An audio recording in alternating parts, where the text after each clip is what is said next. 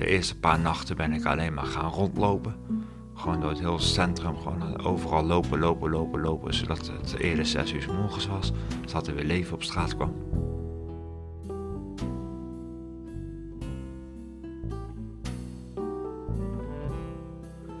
Maar op een gegeven moment uh, ben je zo moe en dan uh, maakt het je niet meer uit waar je slaapt. Het kon op een station zijn, kon in een auto zijn die ik openbrak om te kunnen slapen. Uh, dat kon in het bos zijn, het kon onder een brug zijn. Ja, eigenlijk van alles, als het maar wind, windvrij was. In het begin niet, maar op een gegeven moment ben je zo moe dat je gewoon in slaap valt. Maar wel een beetje onderkoeld. Maar Ik denk dat ik dat bijna anderhalf jaar heb volgehouden. Hoe is het om geen dak boven je hoofd te hebben? Rond te zwerven en niet te weten waar je s'avonds slaapt? Waarom wordt iemand dakloos en hoe lukt het om de straat weer te verlaten? Je luistert naar een rugzak vol verhalen. Gemaakt door mij, Hugo Verkleij, in samenwerking met Stichting De Tussenvoorziening.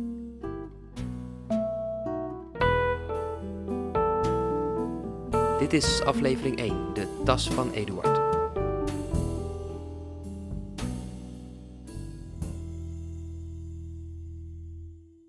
Eduard draagt een zwart trainingspak. Op zijn hoofd een zwart petje, daaronder een stoppelbaardje en heldere groengrijze ogen. Hij is 38 en sinds anderhalf jaar woont hij in Utrecht, in Leidse Rijn. Zijn studio is slechts 21 vierkante meter, maar Eduard is er dolblij mee. Hij ervaart er de rust waarnaar hij altijd verlangde. Toch ligt er onder zijn bed een tas, die hij nooit weggooit en regelmatig naar hem blijft lonken. De tas komt in zijn leven als hij 18 is en de straat zijn thuis. De jaren ervoor is zijn leven nooit stabiel. Al als hij pas 10 maanden oud is, gaat zijn moeder weg bij zijn vader. Die kan de zorg niet aan, waarna Eduard door een pleeggezin op zijn zevende uiteindelijk in een internaat wordt achtergelaten. Hij weet het nog als de dag van gisteren. En dat die zeiden tegen mij, vind je het leuk hier met al die kinderen? En ik zei ja, en toen zeiden ze tegen mij, mooi, je mag hier blijven. En toen hadden ze mijn spullen al mee in de auto. Ik vond het toen leuk, want ik denk van, ja, ik, met allemaal andere kinderen en uh, ik mag hier een weekje blijven. Maar dat weekje werd vijf jaar. Pas uh, later ben ik dat gaan beseffen van, hé, hey, wat ik heb meegemaakt uh, is niet oké. Ik heb ouders gemist en liefde. Ja. Als hij twaalf is, wordt hij door zijn vader en stiefmoeder in huis genomen. Van school komt weinig terecht. Zijn stiefmoeder heeft borderline en Eduard blijft vaak thuis om voor zijn broertjes te zorgen. Op zijn zestiende gaat hij werken. Eerst in een bakkerij, later onder meer als glazenwasser en schoonmaker. Een jaar later gaat het mis. En toen kreeg ik ruzie en uh, toen ben ik het huis uitgeschopt, uh, s'avonds laat. En toen ben ik op straat beland. Toen ben ik in de hoek van de straat gaan slapen. En toen ben ik door de politie naar het station in Ede gebracht. Want daar woonde ik. En toen zeiden ze tegen mij, uh, ga hier maar slapen. En dat was min 14 en steenkoud. En, dus dat herinner ik me nog heel goed.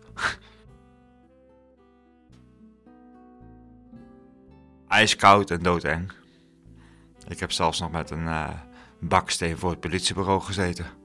Om te denken van misschien gooi ik hem door het raam, dan heb ik in ieder geval warm celletje.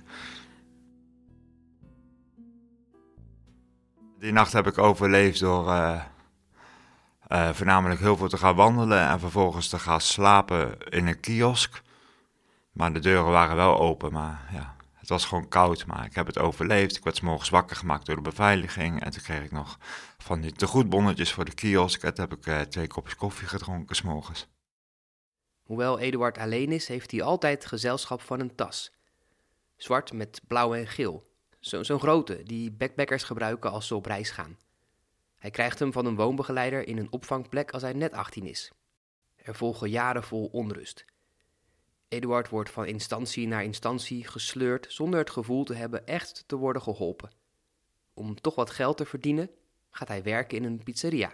Ik was heel eenzaam, dus ik ging steeds meer werken bij de pizzeria, waardoor ik van open tot sluit ging werken en een gratis pizza kreeg.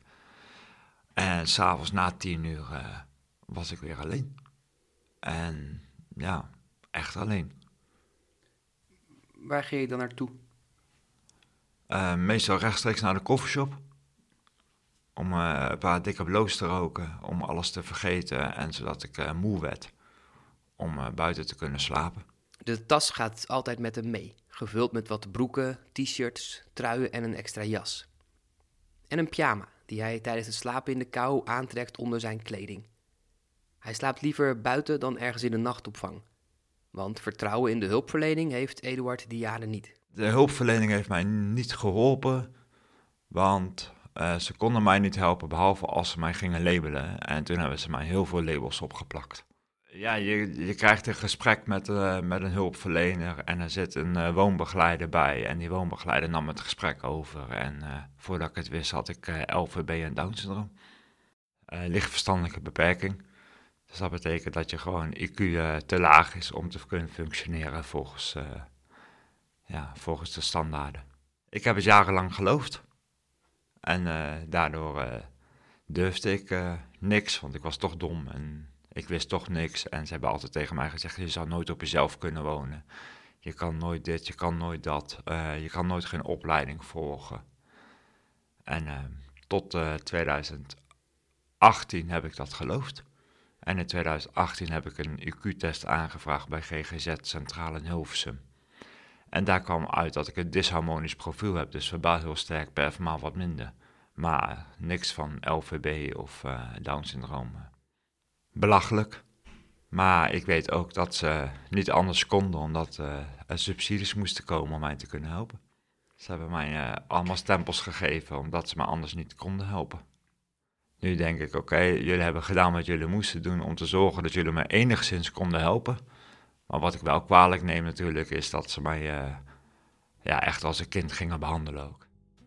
Heel erg pamperen, heel erg ja, dit kan je niet, dus dit neem ik wel weg van je. Uh, geef je pinpas maar, je kan niet met geld omgaan.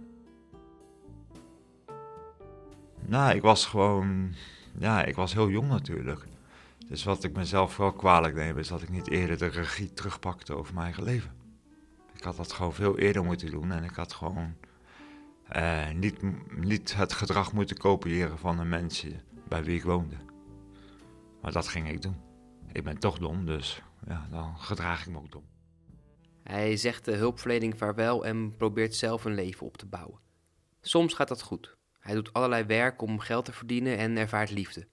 Met twee vrouwen krijgt Eduard in totaal vier kinderen, maar beide relaties sneuvelen. Regelmatig komt hij daardoor ook weer op straat te staan. Met zijn tas, die overal met hem meegaat. De laatste anderhalf jaar ziet zijn leven er een stuk stabieler uit. Met dank aan het leger des Heils krijgt hij een huurstudio in Leidse Rijn.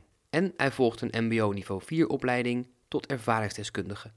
Werkervaring doet hij op bij de tussenvoorziening bij Wegwijs, waar hij probeert anderen perspectief te bieden door middel van sport. Eduard geniet van wat hij doet. Ik uh, word echt heel blij van het werk wat ik doe. Uh, ik vind het fijn om aan te kunnen sluiten bij mensen met eenzelfde soort verhaal als dat ik heb. En um, om het verschil te kunnen maken. Ook uh, als hulpverlener. En ik vind het ook fijn om de hulpverlening van binnenuit te kunnen veranderen. Dat is nodig? Ja, dat is nodig, ja. Want tegenwoordig kijken ze van social work, heb ik gehoord van de opleiding, wat meer naar uh, je eigen proces. Maar vroeger was dat helemaal niet zo en keek iedereen maar gewoon van ja, ik heb dit geleerd uit het boekje en dit moet je doen. Maar wij zijn mensen en wij zijn geen boekjes. Wat zou je hulpverleners dan willen meegeven? Nou ja, wat ik doe, ik kan alleen vanuit mezelf spreken. Wat ik doe is uh, niet zoveel naar het dossier kijken, maar naar de mens. En met de mensen het gesprek aangaan op gelijkwaardig niveau. En deel ook eens een keer wat jij hebt meegemaakt. Want dan krijg je veel makkelijker gesprekken mee. Eduard heeft mooie plannen voor de toekomst en voor het eerst in zijn leven durft hij vooruit te kijken. Ik uh, droom ervan om eerst deze opleiding af te maken met kleine stapjes. Eerst deze opleiding af te maken, daarna de HBO Social Work, individueel begeleider worden. Uh, dan doet mijn vriendin doet ondertussen reïntegratieadviseur nu. Uh, die gaat die opleiding ook volgen, HBO. En uiteindelijk wil ik uh, hier unit manager worden. En daarna wil ik een eigen bedrijf opstarten voor dak- en thuislozen voor werk. En dat wil ik samen met mijn vriendin gaan doen. Daarnaast zou Eduard zijn twee oudste kinderen dolgraag weer eens willen zien. De twee jongste ziet hij om het weekend, maar met de oudste heeft hij al jaren geen contact meer. Hij gaat er niet vanuit dat dit binnenkort verandert. Ik durf het niet te hopen. Ik denk het, maar ik durf het niet te hopen om daar mijn hoop op te vestigen om vervolgens teleurgesteld te worden. Dus nee, uit zelfbescherming doe ik dat niet. Maar stel ze komen, zouden nu binnenkomen, wat zou je ze willen zeggen? Dat ik heel veel van ze hou en dat ik ze nooit ben vergeten. En de tas? Die heeft hij een paar maanden terug uitgepakt. Ik kwam op een gegeven moment thuis en ik zag die tas staan. En ik denk van ja, volgens mij wordt het hoog tijd dat ik hem maar een keer uh, uit ga pakken.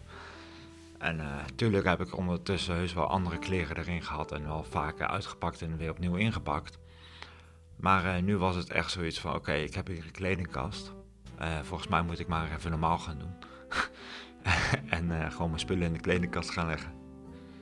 En dat was wel heel vreemd om ja, om die tas leeg onder je bed terug te leggen.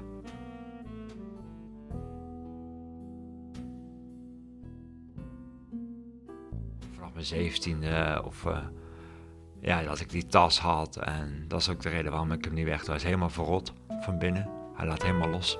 Maar nee, dat is onderdeel van mij. En uh, ja, ik zou dat niet zomaar weg kunnen gooien of zo.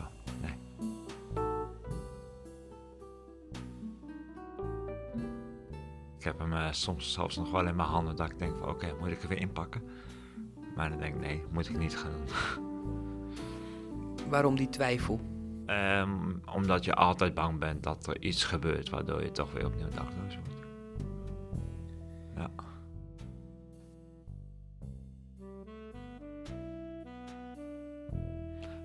Nee, het huis gaat hier nooit uit. En dat is niet omdat ik dan bang ben om weer dakloos te worden, maar dat is gewoon puur van die tas, die heb ik al zo lang, die heeft zoveel met me meegemaakt. Nee, dat is gewoon onderdeel van mezelf geworden. Als hij mee kan me gaat hij ook mee.